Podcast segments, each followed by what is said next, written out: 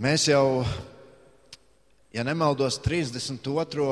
svētdienu domājam par Jēzus kalnu svētrunu. Un uh, tad, kad Jēzus sacīja šo svētrunu, uh, viņš gribēja palīdzēt mums katram ieraudzīt, kāda tad ir šī patiesā, reālā ticība. Un uh, ne tā ticība, kuru tajā laikā un arī šodien varbūt daudzi uh, sludina, bet ticība, ticība, par kuru pats Kristus saka šos nozīmīgos vārdus. Mēs šad un tad uh, šīs svētrunas sērijas laikā uh, izējam tā īsi cauri kādām lietām. Un uh, arī šodien es gribu kādas lietas pasakīt, lai atkal un atkal atgādinātu mums par to, ko esam domājuši. Atcerēsimies, ka Jēzus šo savu kalnu svētrunu, svētrunu sacīja apmēram gadu pēc tam, kad viņš ir uzsācis savu kalpošanu. Un uh, šajā svētrunā Jēzus koncentrētā veidā pasaka mums Dieva valstības, jeb debesu valstības likums. Pirms kalnu svētrunas ir teikts Mateja evaņģēlijā 4. nodaļā 17. pantā, no šī laika Jēzus sludināja atgriezieties no grēkiem. Debesu valstība ir klāta. Ar to Jēzus grib pateikt, Es gribu jums dot kaut ko ļoti svarīgu, kaut ko ļoti nopietnu, kaut, kā, kaut kādu nopietnu lietu, pret kuru jums arī ir nopietni jātiec. Un 5. un 6. nodaļas Mateja evaņģēlijā mūs soli pa solim skai, mums skaidro šos debesu valstības likumus. Mēs esam varējuši domāt, cik svarīgi ir šie likumi. Lieta tāda, ka mēs dzīvojam uz šīs zemes, kur ir šīs pasaules tumsības valdnieku valstība. Un es domāju, mēs katrs ar šo iespaidu sastopamies. Un tad, kad cilvēks kļūst par kristieti, viņš izraujas no šīs valstības. Viņam tagad ir cits valdnieks. Viņš atzīst, ka viņa kungs ir Jēzus Kristus. Tāpēc Jēzus šeit, šajā kalnu svētrunā skaidro, ka starp vienu valstību un otru valstību ir milzīga atšķirība. Tur ir atšķirīgi principi, atšķirīgi standarti. Un, uh, kad mēs par tiem domājam, tad droši vien mēs katrs ievērojam, ka tas, ko Jēzus šeit pasaka, tas reizēm ir ļoti radikāli. Atcerieties vienu no šiem principiem, uh, ko Jēzus saka 5. nodaļā. Viņš saka, jūs esat dzirdējuši, ka ir sacīts, nepārkāp laulību. Nu jā, nu kurš tad no mums to nezina? Un arī šajā pasaulē jau vienā un citā vietā par to runā. Bet Kristus saka, es jums saku, ik viens, kas uzlūko sievieti ar iekāri, jau ir pārkāpis laulību ar viņu savā sirdī. Mēs varētu turpināt vēl un vēl. Netiesājiet lai jūs netiktu tiesāti ar kādu uh, tiesu, jūs tiesāties ar tādu, jums tiks, jūs tiksiet tiesāti. Viss, ko Jēzus saka, uh, liecina par kādu radikālu izmaiņu dzīvē. Un tad savas svētdienas noslēgumā Jēzus saka kādus komentārus, komentārus apkopojot to, ko viņš ir teicis. Un mēs esam uh, šajā komentāru daļā, Un uh, tur no 7. līdz 11. pantam Jēzus saka, ka dzīvot pēc šiem viņa dotiem principiem, likumiem, nav iespējams vienkārši tāpat vien paša spēkiem. Lai mēs šos likumus pildītu savā dzīvē, ir vajadzīgas divas lietas. Uh, lūdziet, un jums tiks dots, meklējiet, un jūs atradīsiet, klaudziniet, un jums tiks atvērts. Jēzus nesaka, jūs to varēsiet šos likumus piepildīt, ja jūs šad tad tā pieskriesiet un šad tad atcerēsieties par tiem. Nē, Jēzus saka, domājiet par tiem past, pastāvīgi, ikdienā. Un otra lieta, svarīga lieta, ko Jēzus saka, ka lai mēs tiecamies ievērot šos principus. Pielietojiet to savā praktiskajā dzīvē. Un tālāk no 12. līdz 14. pantam šajā 7. nodaļā Jēzus brīdina, brīdina visus cilvēkus, ka kristieša dzīve nebūs viegla. Pagājušajā svētdienā mēs par to domājam. Vārti ir šauri un ceļš ir šaurs. Tas prasīs kaut ko no mums prasīs no mums nodošanos, prasīs upurēšanos. Kādā citā vietā uh, Jēzus saka, Marka evanģēlīja 8. nodaļā, 34. pantā, viņš saka, kas grib man sekot, tas lai aizliedz sevi, lai ņem savu krustu un seko man. Priekšā šauri vārti. Tu ej pa šauru ceļu. Un Jēzus saka, tev sevi ir jāatstāj aiz šiem vārtiem. Citādi tu par tiem vienkārši nespēsi iet. Un trešā lieta, par ko mēs šodien un arī nākamajā svētdienā domāsim, ir viltus pravieši. Ceļš, par kuru sekot Jēzum, nav viegls. Tas ir grūts ceļš, tas ir ēršķains ceļš. Un, ziniet, ir cilvēki, kuri sāk piedāvāt savus atvieglotus variantus, lai saņemtu to, ko Jēzus var dot. Bet viss, ko Jēzus sola, ir šauri vārti un šaurs ceļš. Tas, ko cilvēks sola, dažādas organizācijas sola, Viņi saka, hei, ir kaut kāda iespēja, kaut kādi atviegloti varianti, pa kuriem galu galā mēs uh, varēsim nokļūt debesīs. Un tad Jēzus noslēdz no 21. līdz 27. pantam, kur viņš runā par viltus mieru un liekulību. Tātad vispirms viņš saka, un runā par tiem, kas sludina nepareizu mācību. Un tad viņš runā par tiem, kuri seko šai viltus mācībai. Bet nu šodienas teksts, pie kā mēs apstāsimies, Mateja evaņģēlijas, varat atšķirt Bībelēs, Mateja evaņģēlijas 7. nodaļa, 15. un 16. pants. Mēs, kā jau šīs svētrunas ietvaros, kur mēs cenšamies saprast šo kalnu svētru un ņemot palīgā arī citus bībeles tekstus, arī šodien mēs to darīsim. Mateja evaņģēlijas 7. nodaļa 15. un 16. pants. Uzmanieties no viltus praviešiem. Tie nāk pie jums avju drēbēs, taču no iekšpuses tie ir plēsīgi vilki. Jūs viņus pazīsiet pēc augļiem. Vai tad kāds lasa vīnogas no ērkšķiem vai vīģis no dažiem?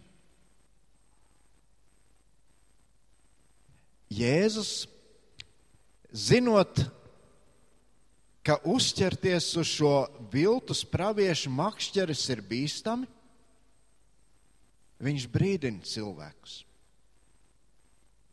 Viņš saka, būs cilvēki, gan tajā laikā, kad Jēzus jau dzīvoja uz šīs zemes. Mēs redzēsim arī vecās derības laikā tādi ir bijuši, un šodien tādu netrūkst, kuri mēģinās izveidot savu sistēmu. Un ja mēs uzmanīgi lasīsim Bībeli, tad redzēsim, ka tādu brīdinājumu ir ļoti, ļoti daudz. Par to brīdina vairākas reizes pats Jēzus Kristus. Par to brīdina Jēkabs savā vēstulē, par to brīdina apustulis Pēteris, rakstot vēstules, Jūdas vēstulē mēs šos brīdinājumus atradīsim. Un arī apustulis Pāvils, gan arī katrā no vēstulēm par to brīdina. Apostols Jānis par to raksta gan evaņģēlijā, gan uh, savā vēst, savās vēstulēs, gan arī atklāsmes uh, grāmatā. Un tāpēc man liekas, ir tik svarīgi mums apzināties šo bīstamību. Un ir svarīgi saprast, kā mums uz to reaģēt. Viens no jautājumiem, pie kā gribu apstāties šodien, kas ir viltus pravieši? Jēzus saka, uzmanieties no viltus praviešiem. Kas mums nāk prātā? Pirmais, kad mēs domājam par viltus praviešiem. Uh, tie varbūt ir kādi cilvēku vārdi, vai ne? Piemēram, Deivids Korešs. Viņš nodibināja tādu organizāciju Dāvida atzars. Šo organizāciju sagrāva 1993. gadā, kad policija 50 dienas turēja aplenkumā kādu rančo Teksas štatā, kur uh, Deivids Korešs ar saviem sekotājiem bija apmeties. Un tad, lai izvairītos no atbildības, lai izvairītos no soda, viņš pats un uh, tie viņa līdzgaitnieki, droši vien viņš piespieda to izdarīt, viņi vienkārši sevi sadedzināja, izdarīja pašnāvību. Ja kādu interesē, tad varat googlē meklētājā ierakstīt pasaules bīstamākie kulti vai sektas, un uh, tur jums viņas izmetīs ļoti daudz ārā. Bet, ziniet, ir vēl arī cits viltus praviešu tips, no kuriem ir jāuzmanās. Kas ir šie cilvēki, no kuriem ir jāuzmanās, no kuriem Kristus brīdina uzmanieties? Ko Bībele par to saka? Man liekas, mums ir svarīgi tikt skaidrībā, lai nenonāktu situācijā, ka mēs noturam par viltus praviešiem tos, kuri tādi nemaz nav, un otrādi, kuri ir viltus pravieši, un mēs viņus par tādiem neuzskatām. Un tāpēc es centos uh, nodefinēt, ko varētu nozīmēt viltus pravietis.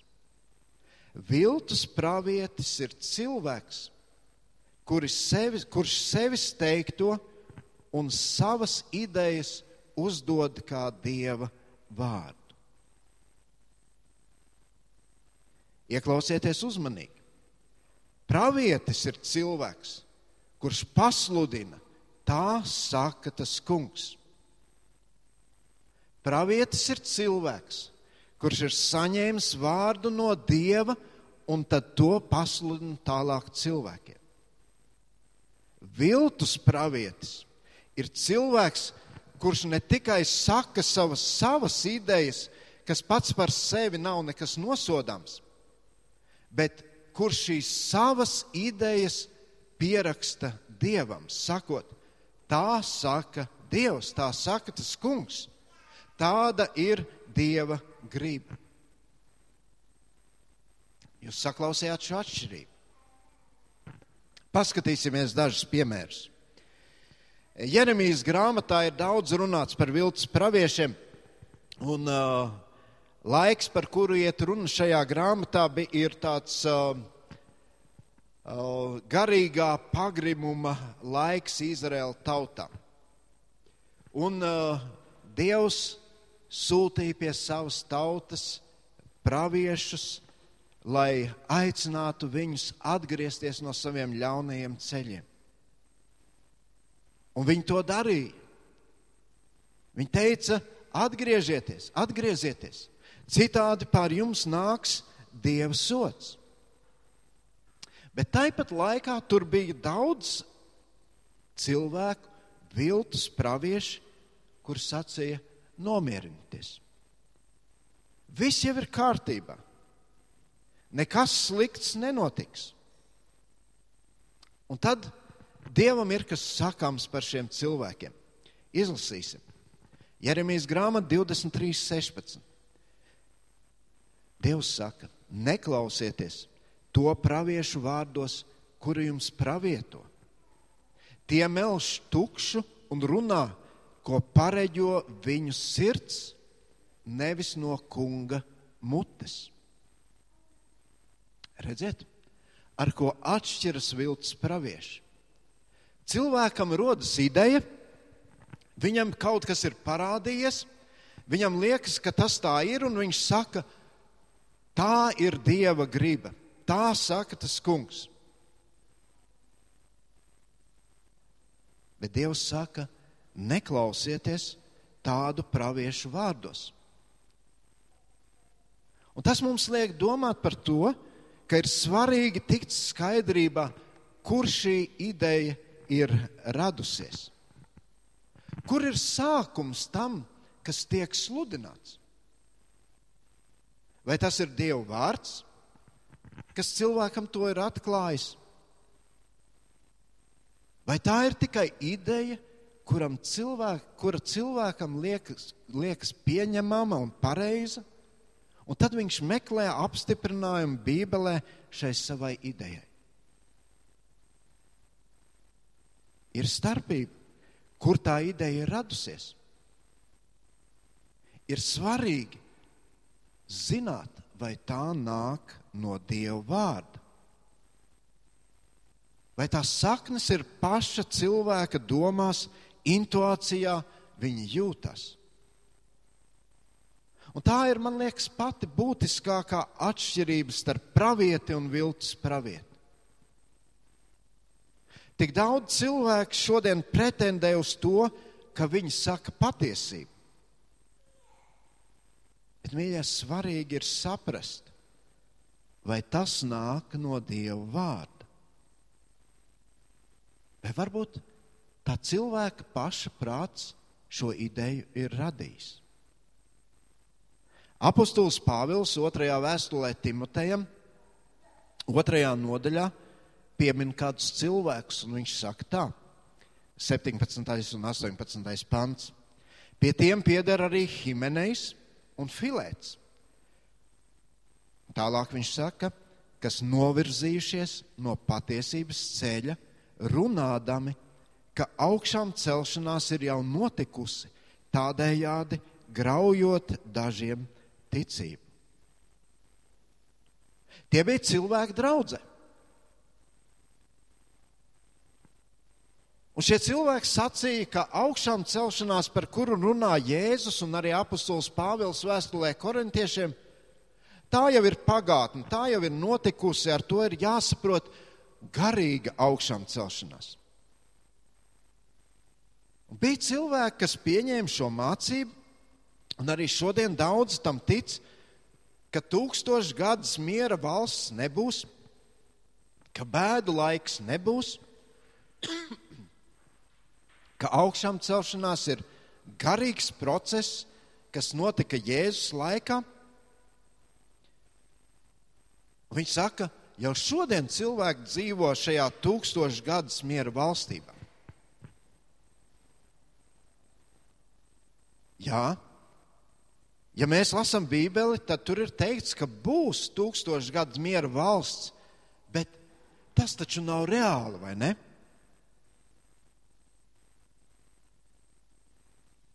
Lūk, man liekas, ka tas nav reāli.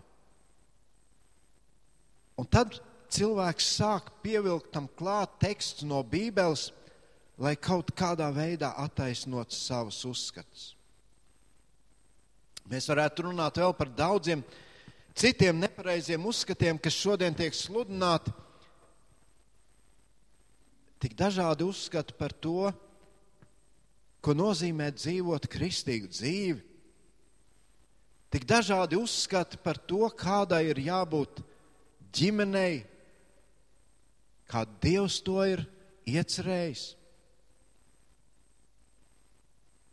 Tik dažādi uzskati par to, vai cilvēkam jābūt bagātam, vai cilvēkam, vai cilvēks var slimot, un tā tālāk, un tā joprojām. Jēzus saka, uzmanieties! Turiet acis un ausis vaļā! Par viltus praviešiem Jēzus saka, mēs lasījām, Viņš saka, tie nāks pie jums aviju drēbēs. Konteksts šiem vārdiem ir tajā laikā aviju drēbēs staigāja gani. Gani rūpējās par savu ganāmpulku. Šodien arī mācītājs sauc par ganiem. Viņi nāk pie cilvēkiem, draudzes un saka, Draudze, man ir vārds priekš jums.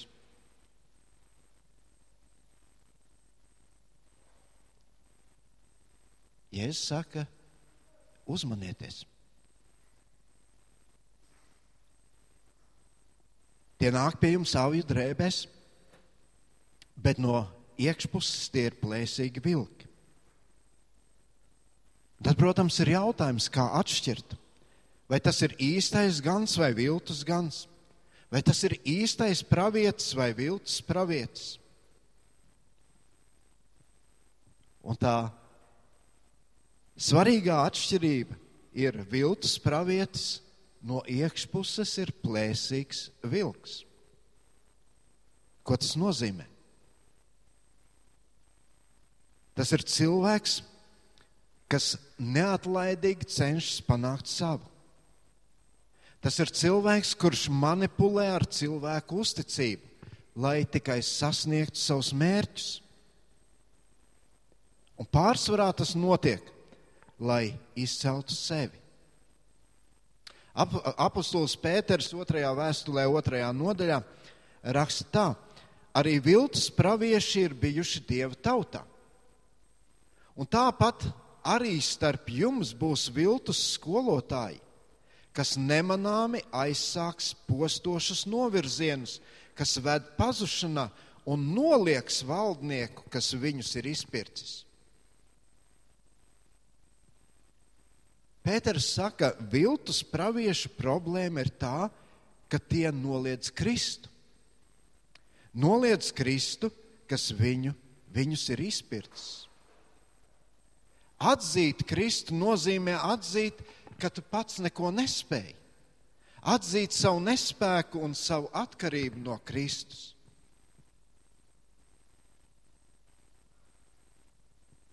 Apostols Jānis pirmajā vēstulē raksta 4. nodaļā no 1. līdz, no 1. līdz 3. pantam.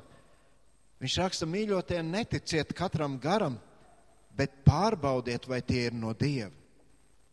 Jo daudzi viltus pravieši ir izgājuši pasaulē. Tā pazīsiet Dieva garu. Katrs gars, kas apliecina Jēzu Kristu miesā nākušu, ir no Dieva. Un katrs gars, kas neapliecina Jēzu, nav no Dieva, bet tas ir antikrista gars, par ko jūs esat dzirdējuši, ka tas nāks, un tas jau tagad ir pasaulē. Redziet, Dieva vārds skaidri mums, mums rāda. Un tāpēc ir tik svarīgi saprast, kas ir tās mācības pamatā.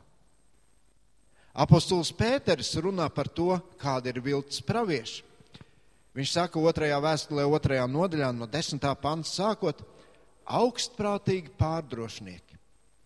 Viņi nebīstas zaimot tos, kam pienākas godība. Pat eņģeļi, kas spēkā un varā ir pārāki, kunga priekšā nenosoda tos ar zaimojušu spriedumu bet tie ir kā bezprātīgi dzīvnieki, kas pēc savas dabas dzimuši, lai tiktu satverti un iznīcināti. Tie nezina, kādēļ tie zaimo. Iznīcinādami viņi arī paši tiks iznīcināti. Tā šie nelieši saņems pienācīgu algu par savām nelietībām. Atraduši baudu izlaidībās gaišā dienas laikā, viņi apgānās un ir nešķīsti savā uzdzīvē, un dzīvodami kopā ar jums arī jūs ievelk savos maldos. Viņu acis ir laulības pārkāpšanas pilnas un nemitīgi tiecas grēkot. Viņi aizvilina nepastāvīgas dvēseles. Viņu sirdis ir vingrinātas alkatībā. Viņi ir lāsta bērni, kas ir aizmaldījušies, pametuši taisno ceļu un sākuši iet Bileāma Beora dēla ceļu, kas iekāroja saņemt algu par nelietībām. Diezgan skarbi vārdi, vai ne? Viltus praviešu vēsts ir viņu pašu idejas, ne, nevis Dieva vārds. Viltus pravieši vienmēr centīsies izlikties svētāki par citiem. Viltus pravieši aizliegs to, ko Bībele neaizliedz, un atļaus to, ko Bībele aizliedz. Viltus pravieši prasīs to, ko Bībele neprasa. Kāpēc? Viņi grib būt svētāki par svētiem. Viņi ir pat gatavi uzrakstīt savu bībeli no saviem likumiem un savām idejām. 1. Timotejā 4. nodaļā no 1. līdz 3. pantam apustulis Pāvils raksta, gars saka skaidri, ka vēlākos laikos daži atkritīs no ticības un pievērsīsies maldu gariem un dēmonu mācībām, ko izplatīs liekulīgi meļi kuru sirdsapziņā iededzināta zīme. Viņi aizliegs precēties, liks atturēties no ēdiena, ko Dievs ir radījis, lai tie, kas tic un ir atzinuši patiesību, to uzņem ar pateicību. Par ļoti konkrētām lietām. Bībele runā par šīm lietām, no kā vajadzētu uzmanīties. Mēs Bībelē lasām, ka Dievs bija tas, kurš radīja laulību. Dievs deva šos principus, kādai ir jābūt laulībai. Bet ir, bija un droši vien arī būs cilvēki, kas saka, ai, ai, labāk vispār neprecēties. Ja tu to nedarīsi, tu būsi svētāks. Un kad saka, nu, Bībele jau tā nerunā, tad viņi saka, nu jā, Bībelē jau tā ir teikts, bet nu drošības pēc. Redziet, tā lielākā viltus praviešu problēma ir tā, ka viņi saka, tā saka tas kungs. Kaut gan īstenībā tas kungs nemaz tā nesaka. Filipiešiem 3, no 2. panta līdz 3.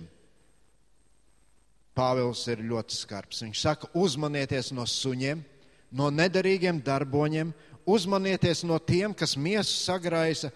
Īsti apgraizīti esam mēs, kas kalpojam Dievu garā un dižojamies Kristu Jēzu, nevis paļaujamies uz miesu. Par ko Pāvils šeit divas reizes saka, lai uzmanās? Tur ir cilvēki, kas saka, jā, ir Bībele, ir Dieva vārds, bet ir arī mūsu tradīcijas. Un ja tu tās nepildi, tad tu nevari būt kristietis. Mēs tevi nevaram uzskatīt par tādu. Un Pāvils ļoti skaidri saka, uzmanieties no tādiem cilvēkiem. Viņi pieliek Dievu vārdam savus vārdus. Uzmanieties no tiem, kuru autoritāte nav Dieva vārds. Ziniet, ir vēl kāda lieta, ko mēs varam sastapt šodien. Ir tik daudz cilvēku, kuri saka, es esmu tik tuvu Dievam. Man ir īpašas attiecības ar Dievu. Dievs man dod īpašas atklāsmes. Un ne jau visu Dievs varēja pateikt Bībelē. Tāpēc Dievs mani ir izredzējis, lai atklātu šīs jaunās lietas, ko es jums tagad daru zināms. Un šiem cilvēkiem vienmēr liekas, ka Dievs kaut kā īpaši uz viņiem runā. Ir tādi cilvēki. Apostols Pāvils kolosiešiem otrajā nodaļā no 18. līdz 19. pantam saka, neviens, lai jūs, jums nenolaupa uzvaras balvu, tīksminoties ar pazemību un eņģeļu pielūgšanu, aizraujoties ar redzējumiem un tukši uzpūsdamies savā miesas prātā, tāds nepatur saikni ar galvu, no kuras viss ķermenis, muskuļu un dzīslu savienots un uzturēts, aug dievišķā augšanas spēkā. Un šodienas laikmetā cilvēkiem ir tik daudz iespējas, lai šīs idejas bārstītu lai cilvēki ar tām varētu iepazīties. Mēs varam sastapt tik daudz grāmatas, kuras ir pilnas ar šiem redzējumiem, ar šīm īpašajām dieva atklāsmēm, kur autoriem liekas, ka viņi ir kaut kas īpašs dievam. Bet problēma ir tā pati. Šīs idejas bieži vien nav radušās no Dieva vārda bet tās ir radušās kaut kur citur. Pavisam īsi gribu atbildēt uz vienu jautājumu vēl. Kāpēc un no, no kurienes rodas viltus pravieši? Tāpat kā daudzas lietas šodien. Arī viņi rodas tāpēc, ka ir pieprasījums pēc viņiem. Pieprasījums rada piedāvājumu. Ik viens cilvēks, apzināti vai neapzināti, viņš tomēr ilgojas būt drošībā. Viņš ilgojas tikt izglābts. Kristus saka, lai tu tiktu izglābts, tas ceļš nav viegls. Tas ir šaurs un šauri ir šie vārti uz debesīm. Un tāpēc cilvēki meklē šo vieglāko glābšanas ceļu. Apostols Pāvils Timotejam, otrajā vēstulē Timotejam, ceturtajā nodaļā raksta, būs laiks, kad ļaudis vairs necietīs veselīgo mācību, bet savus iekāras dzīti pulcinās sev tādus skolotājus, kas glaimo viņu dzirdēji. Viņi novērsīs savas ausis no patiesības un pievērsīsies mītiem. Redziet, tas ir vieglākais ceļš, kā celt savu autoritāti, teikt, pats Dievs man to atklāja. Un šodien tik daudz to izmanto, bet problēma ir, ka Dievs visu, kas mums ir vajadzīgs, ir atklājis savā vārdā.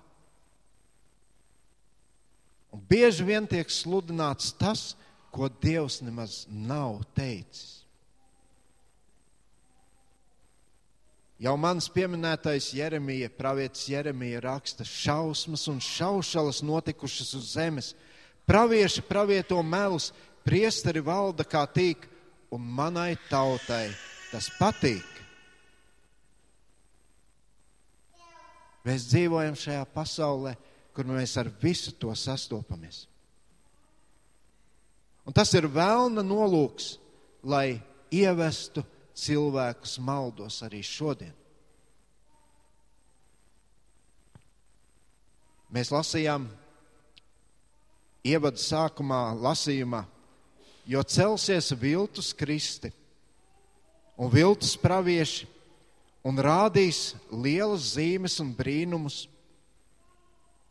lai pieviltu, ja, ies, ja tas iespējams, arī izredzētos. Mīļie brāļi un māsas, ja tu esi izglābts, ja tu esi pārliecināts par savu glābšanu, tad apzināties, ka ikvienā laikā tu būsi kļuvis par objektu, kuram vēlns uzbruks. Un viņš visādos veidos centīsies tevi piemānīt un apmānīt. Bet tā vienīgā aizsardzība, vienīgās bruņas, kas viņam neļaus to izdarīt, ir Dieva vārds. Dieva vārda autoritāte. Ne sapņi, ne idejas, nekādas īpašas atklāsmes kādiem īpašiem cilvēkiem, bet Dieva vārds. Nākošajā svētdienā mēs domāsim par to, kā atpazīt viltus praviešus. Man liekas, tas ir ļoti svarīgi lai uh, mēs zinātu,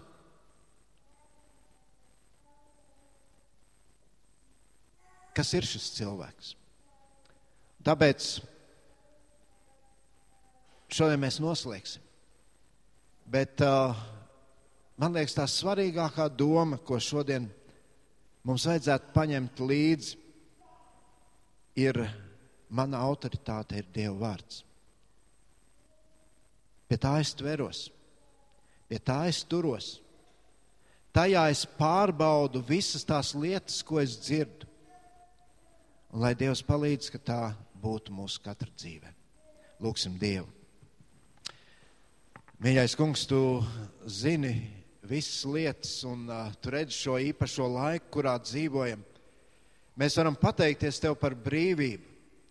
Mēs varam pateikties, ka šodien tavs evaņģēlijs var skanēt uh, brīvi, neviens to neapspiež.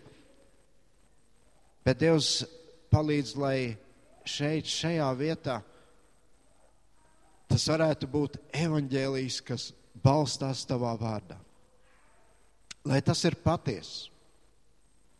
Lai uh, tu, Kristu, un Dievs, tavs vārds būtu tā galvenā autoritāte, pie kā mēs turamies un tveramies. Un es gribu dot, eh, lūgt, lai tu dod mums arī gudrības saprast un ieraudzīt. Un pamācīt vienam otru, ja kādreiz arī kaut kur kļūdamies. Kungs, svētī draudz šeit. Palīdz mums augt tavā bijībā. Turoties pie tavu vārda un pie tevis Kristu, kas savu kungu un glābēju. To mēs tavā vārdā lūdzam. Āmen!